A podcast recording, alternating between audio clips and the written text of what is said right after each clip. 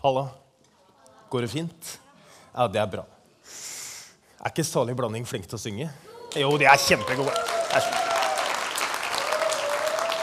Veldig bra. Dere, eh, vi jo Vi sier 'Hvem trenger julen?' er det vi lurer på i denne adventstiden. Hvem er det som trenger julen? Er det verden? Trenger verden julen? Eller trenger Gud julen, kanskje?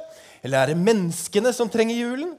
Eh, Er det vi som trenger julen? Hvem trenger julen? Fordi julens budskap er jo på en måte veldig enkelt. Det handler om at eh, Jesus ble født eh, av Maria i Betlehem. Det er jo julens budskap, er ikke det? Det er derfor vi feirer jul. Men så er jo spørsmålet er det noe mer enn det. Er det bare en fin historie, liksom? For da kan man spørre hvorfor skjedde det, og hva betyr det for oss? Og det er det vi ønsker å si noe om i løpet av disse adventsmøtene. Og på julaften så skal vi si noe om det. Og i dag så skal vi gå sånn kjempelangt tilbake i historien. Eh, fordi historien med Jesu fødsel, den starter ikke med hans fødsel. Eh, og det starter ikke med at det er en ung mor som heter Maria, som får beskjed om at hun skal få et barn. Den starter ikke med, den starter veldig langt bak. Og for at vi skal komme helt langt bak, så må vi gå eh, helt tilbake til starten.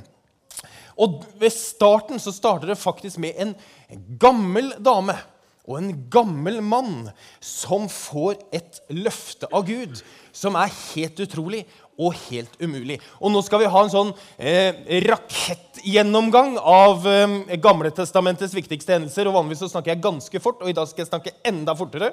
Og Det betyr at vi må liksom sitte litt sånn frampå stolen eh, for å liksom henge med. For dette kommer til å gå superkjapt. bare sånn. Er dere klare for det? Jeg har jo tenkt at dere er ganske smarte, sånn at dere klarer liksom å henge med. Vi er liksom over gjennomsnittet smarte alle sammen. Så, så er dere klare for det, eller? Er veldig bra. For det starter nemlig med en mann som heter Abram. Han bodde i en by som heter Haran, og han var gift med en som heter Sarai. Og En gang så taler Gud til Abraham, og da sier Gud, dra bort fra landet ditt, fra slekten din og fra farshuset ditt til det landet som jeg skal vise deg. Jeg vil gjøre deg til et stort folk. Jeg vil velsigne deg og gjøre navnet ditt stort, og du skal bli til velsignelse. I deg skal alle slekter på jorden velsignes. Altså, I Abraham så skulle alle slekter på jorden velsignes, og det var ganske vanskelig. Hvorfor det? Jo, For det første så var jo Abraham han var jo 75 år. Og kona var omtrent det samme. Jeg vet ikke om du kjenner noen som er 75 år, som fikk mange barn. Om de starta med det. Det var jo det ene. Og så ber Gud ham forlate landet sitt og reise til et annet land. Og på den tiden så var det veldig farlig når du forlot ditt eget land. Og så da i tillegg så skal han gjøre navnet ditt stort. altså Han skulle bli berømt, og det henger jo ikke sammen med det å reise bort fra landet sitt, for da er det jo i hvert fall ikke berømt. Og at du skulle, alle slekter på jorden skulle vel, velsignet gjennom deg. Vet du hvordan det var med folkegrupper mot hverandre på den tiden der? Jo, de kriga jo. De stjerte av hverandre, plyndra av hverandre, og de, de, var ikke veldig snille med hverandre på den tiden. De, og de velsignet i hvert fall ikke hverandre. Så, men Gud sier altså til Abraham at skal, du skal bli velsignet alle folkeslag gjennom deg. Det var rart. Men til tross for at det var rart, og egentlig helt umulig, så valgte Gud, nei, valgte Abraham å stole på Guds løfter. Og det som skjer videre, da, er jo det at Abraham han får en sønn, og den sønnen heter Isak. Han får egentlig to sønner, altså Isak og Esau. Og Esau skulle egentlig være liksom den eldste, men så lurte Isak eh, Abraham og Esau sånn at han ble liksom den førstefødte. Og så tenker jeg, Hvis du av og til tenker at jeg strever i min familie med liksom familiegreier, og det er liksom mye ting, så kan du lese altså i hvert fall første Mosebok, så skjønner du at vi er ikke så gærent hos oss allikevel. For der ble det mye rart. Og så får Isak han får da en sønn som heter Jakob. Eh, og, Jakob han får tolv sønner, bl.a. en som heter Josef. Eh, og Ti av brødrene til Josef de liker han ikke, egentlig så vil de drepe han, men de syns det er litt brutalt, så de selger han isteden som slave til Egypt. Også veldig trivelig. Og Mange av dere har hørt den historien helt sikkert. Og Så vokser da Josef opp i Egypt, og så blir det matkrise. Og så kommer resten av slekten eh, fra Josef de kommer da til Egypt. Og der blir de da etter hvert så mange at man kan si at de blir en nasjon, men de blir jo en nasjon av slaver under slaveri. Og der blir de i 400 år.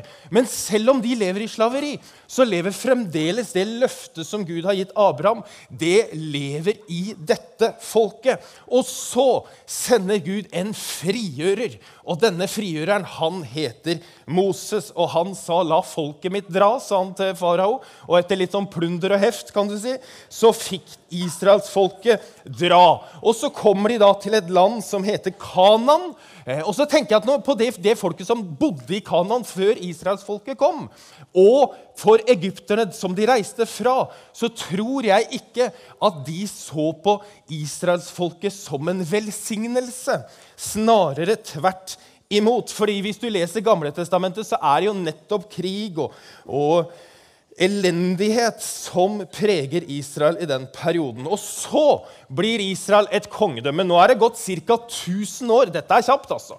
Det er gått ca. 1000 år etter dette løftet som Gud gir til Abraham.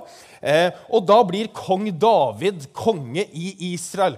Kong David han får en sønn som heter Salomo. Og da er det så mye rikdom og velstand i Israel at de kommer fra hele verden for å se på dette. For Salomo han er vanvittig rik og utrolig klok. Og på, dette er kanskje første gangen som Israel ser ut til å ha en posisjon hvor de kan velsigne resten av verden. Det ser veldig bra ut, rett og slett.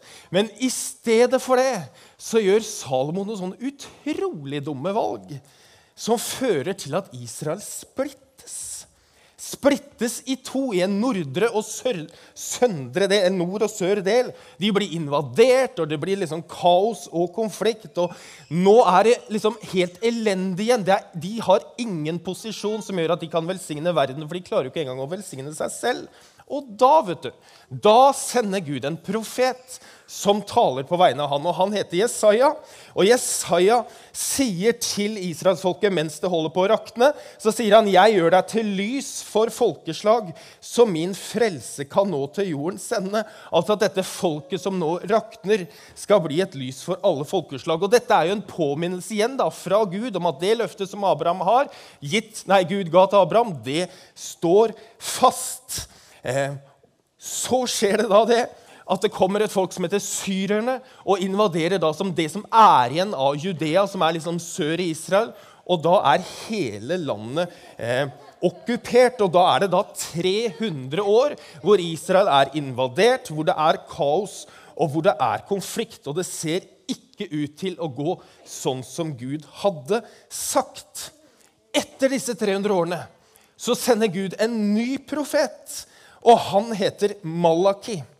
Og han sier fra der sol går opp, til der sol går ned, altså over hele jorden, der skal mitt navn, altså Israels Guds navn, være stort blant folkeslagene. Og det er nesten så jeg kan høre israelsfolket si Men Gud, herlighet, følger du ikke med, eller? Altså, se deg rundt, liksom. Dette er jo ikke sant. Vi er jo ikke en sånn nasjon. Det er jo ikke sånn at vi kommer til å bli til en stor velsignelse for alle folk. Det er jo ikke sånn at vi kommer til å være et lys for folkeslagene. Og det er i hvert fall ikke sånn at ditt navn lovprises blant folkeslag. For nå så det ut som at de løftene som Gud hadde gitt til Abraham, at de var helt tomme. Og det som skjer etter at Malaki er ferdig, det er at det blir 300 år med stillhet hvor det er helt stille. Det er ikke en lyd fra Gud. Men så, plutselig, når løftet fra Gud ser ut til å være helt umulig, så skjer det noe. Og Det er jo dette som er så fascinerende med julehistorien. Fordi den ikke starter ved Jesu fødsel, den starter så mye før. Og når Paulus, som har skrevet halve Det nye testamentet, ser tilbake på dette, så skriver han i Galaterbrevet Men i tidens fylde, altså når Gud hadde det sånn han ønsket i tidens fylde så sendte Gud sin sønn, født av en kvinne og født under loven. Når det ser umulig ut, så gjør Gud det umulige også. Og når alle hadde mista håpet, når det har vært 300 år med stillhet, så gjør Gud det umulige. Fordi nå hadde jo Gud mulighet til å få alle folks oppmerksomhet. Det var jo ingen som forventa det. I hvert fall ikke at Gud skulle sende en engel eh, som heter Gabriel, til en kvinne som het Maria, som var en slektning av denne første kongen i Israel, kong David. Og engelen den sier følgende til Maria.: Vær hilset, du som har fått nåde.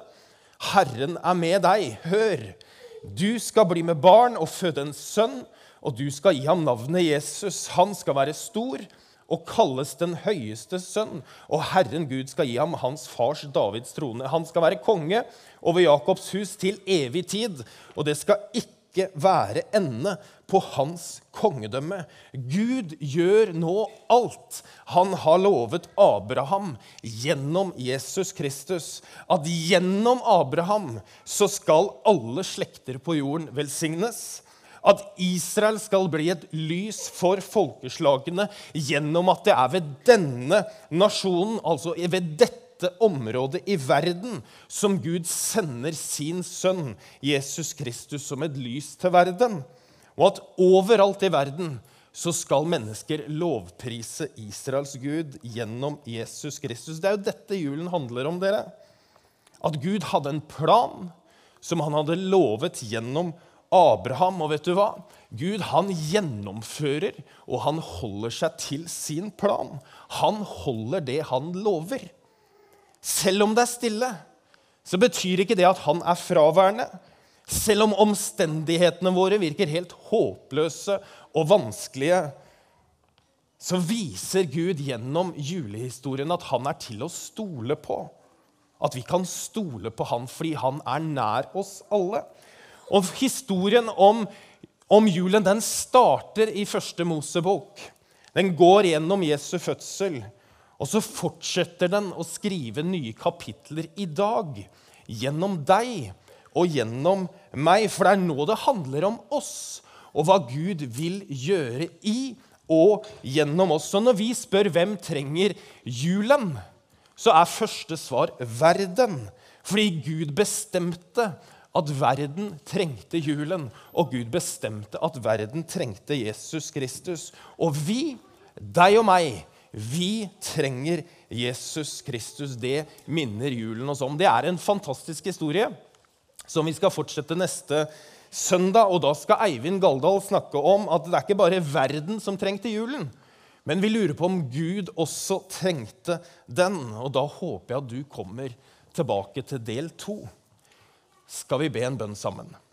Herre, takk for at du sendte Jesus til verden fordi vi trenger han. Og takk for at vi kan se tilbake mange tusen år på hva du har gjort gjennom historien. Takk for det, Gud. Takk for at det viser oss at dette ikke er bare noe som vi har funnet på, fordi det har skjedd over så mange år, så er det helt umulig at noen andre har funnet på dette. Velsign hver enkelt som er her, Herre, i Jesu navn. Amen.